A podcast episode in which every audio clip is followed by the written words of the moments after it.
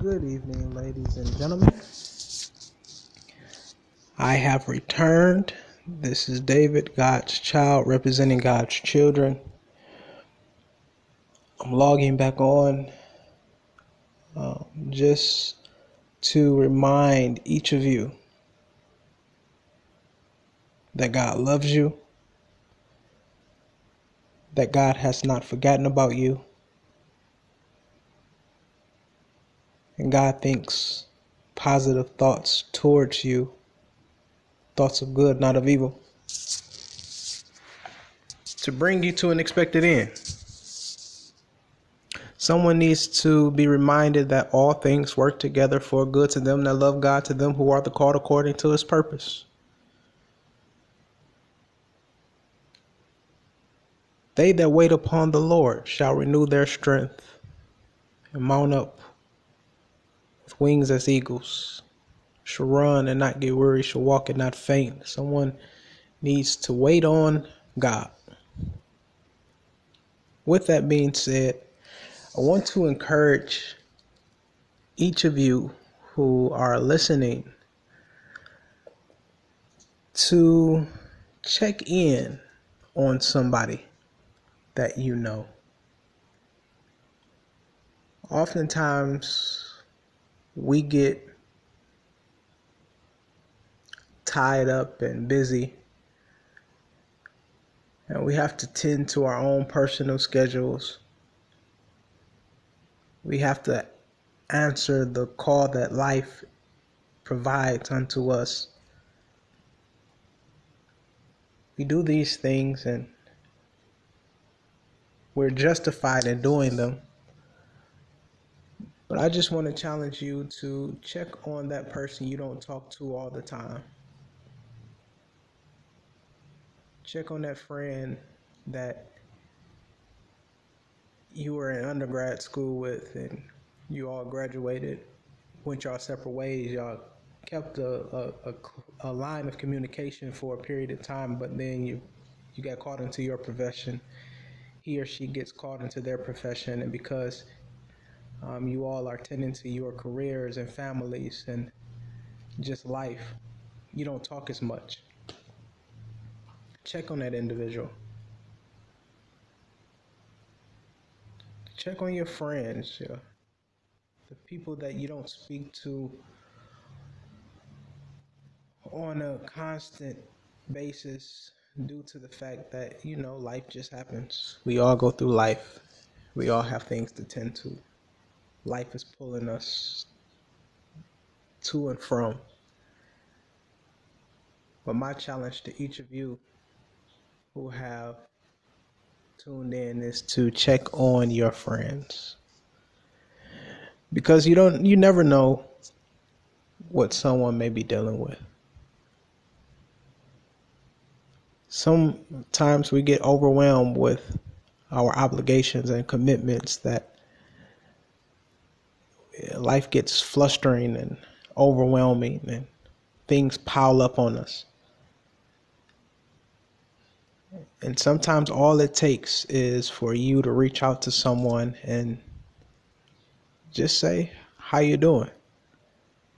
No, really, how are you doing? You know, initially when people pick up the phone and you ask them how they doing, they say, "Oh, I'm doing well. I'm doing good. You know, life is good. Life is great. Life is." But no, you need to interrogate them until they say, "Okay,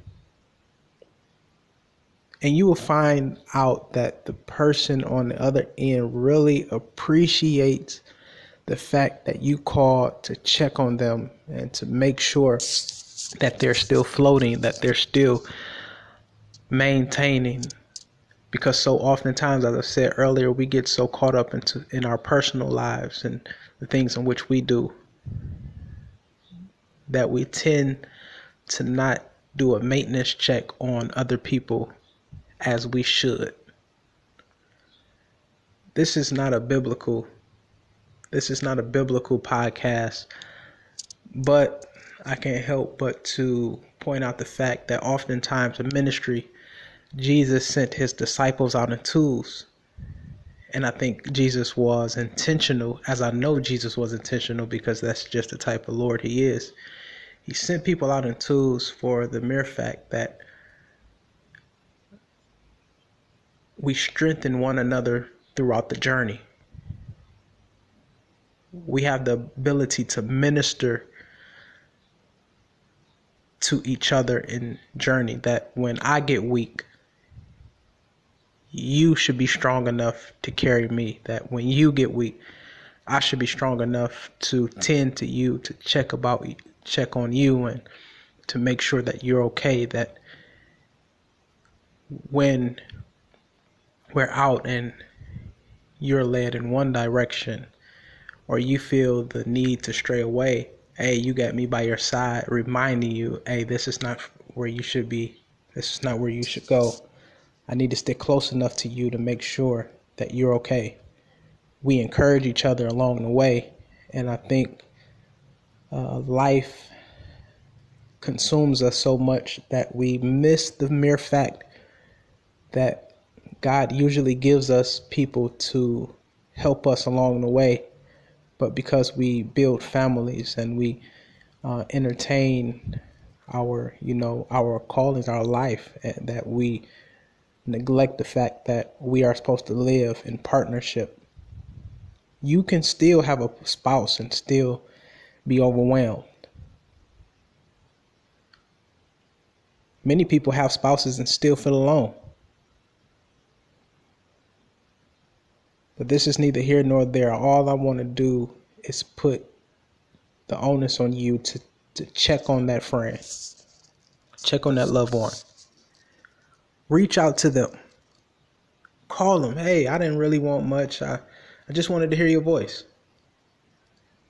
Hey, I didn't mean to interrupt you. You know, I just wanted to check on you, see how you're doing. A phone call a text message. I'm not even saying text because you know it, you can easily sit a type of text, hit send, send it out, and but no, you need to hear that person's voice. Compassion can tell us when someone is doing good or not doing good, and you need to hear that person's voice. Check on that individual. And as I'm challenging you, I'm also challenging myself. Um, I do this quite often, but it was put on me.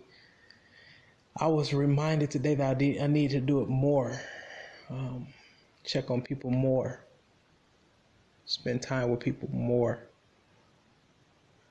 because we need each other. We need to know that we have an accountability partner or someone who cares for us. And, the Bible says that iron sharpens iron, so does the countenance of a man's friend. And I can get into um, a lesson in terms of partnership, but that's need that's that's in the future. That's that that that comes down the pipeline. But right now, I just want to put the challenge on you. Call someone, distant cousin, friend you haven't talked to in a while, a mother, father, sibling, niece, nephew. Just call them, check on them, see about them, get a report from them. Hey, I haven't seen you in a while. Hey, this weekend, let's go grab lunch. Let's go hang out. You know, whatever you y'all like to do, just make that happen. All right, y'all be good.